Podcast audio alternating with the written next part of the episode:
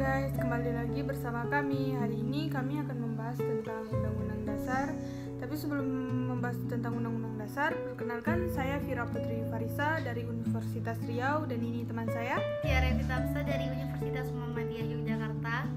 Jadi sebelum kami membahas tentang Undang-Undang Dasar, aku ingin tanya dulu nih kabar Tiara gimana kabarnya? Hmm, Alhamdulillah baik.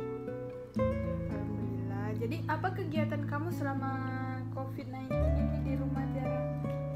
seperti biasa membantu orang tua, eh, belajar online. Eh, ya udah gitu aja sih. Eh, habiskan waktu dengan keluarga. Ya, Begitu. ya. Jadi guys, itulah kegiatan Tiara selama COVID-19 ini. Gimana dengan kegiatan Mbak Vira selama COVID-19 ini? Jadi kegiatan aku ya kuliah, kuliah, kuliah, kuliah online.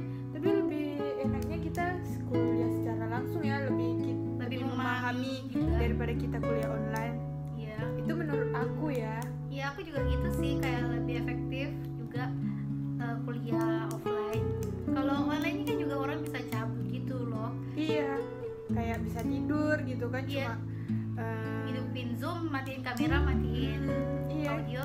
kayak gitu aja. Jadi selama di masa pandemi ini kita benar-benar harus eh, taat dengan protokol kesehatan. Contohnya dengan menggunakan masker, selalu mencuci tangan. Di mana dari mana pun kalian berpergian diwajibkan setiap pulang ke rumah tuh harus mandi.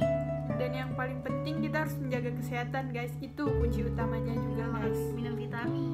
Iya.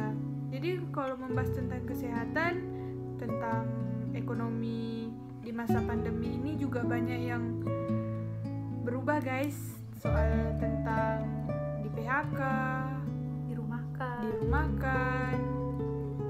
Pokoknya banyak kerugian atau perubahan setelah COVID-19 ini guys.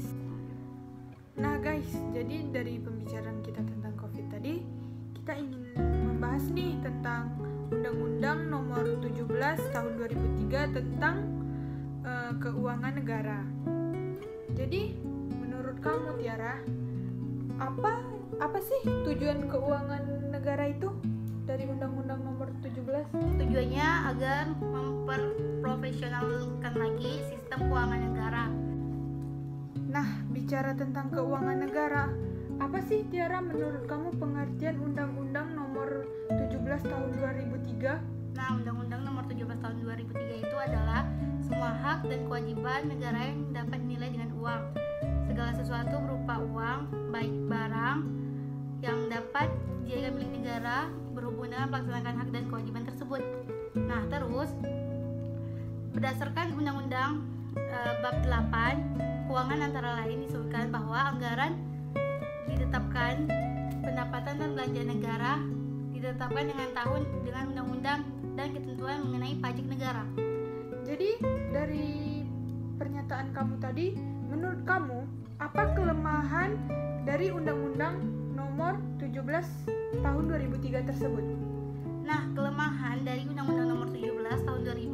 2003 itu yaitu menjadikan salah satu penyebab jadinya beberapa bentuk penyimpangan dalam pengelola keuangan negara dalam upaya menghilangkan penyimpangan tersebut dan mewujudkan sistem pengelolaan fisikal yang berkesinambungan sesuai dengan aturan pokok yang telah ditetapkan dalam undang-undang dengan asas-asas yang berlaku secara universal dalam penyelenggaraan pemerintah negara. Jadi aku mau tanya satu pertanyaan kapan sih disahkan undang-undang tersebut? Nah, Undang-Undang Nomor 17 Tahun 2003 disahkan oleh Dewan Perwakilan Rakyat atau DPR pada tanggal 5 Maret tahun 2003 tanpa ditandatangani oleh Presiden. Tetapi undang-undang tersebut eh, tetap diberlaku dan diundangkan oleh Sekretaris Negara yaitu Bambang Kesowo pada tanggal 5 April 2003 di Jakarta. Oke guys, jadi semua itu udah disahkan dari disahkan langsung undang-undangnya kan tanpa ditandatangani oleh presiden kita. Hmm, apakah ada yang ingin ditambahkan Tiara? Nah, aku ingin pertama aku ingin menambahkan tentang pertimbangan dalam Undang-Undang Nomor 17 Tahun 2003 tentang keuangan negara yang pertama yaitu adalah bahwa penyelenggaraan pemerintah negara untuk mewujudkan tujuan bernegara menimbulkan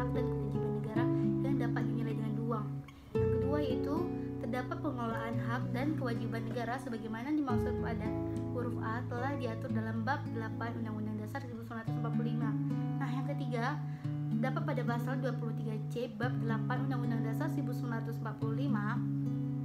meng- mengamanatkan hal-hal lain mengenai keuangan negara diatur dengan undang-undang. Nah, yang terakhir, bahwa berdasarkan pertimbangan sebagaimana dimaksud pada huruf A, huruf B, dan huruf C perlu dibentuk undang-undang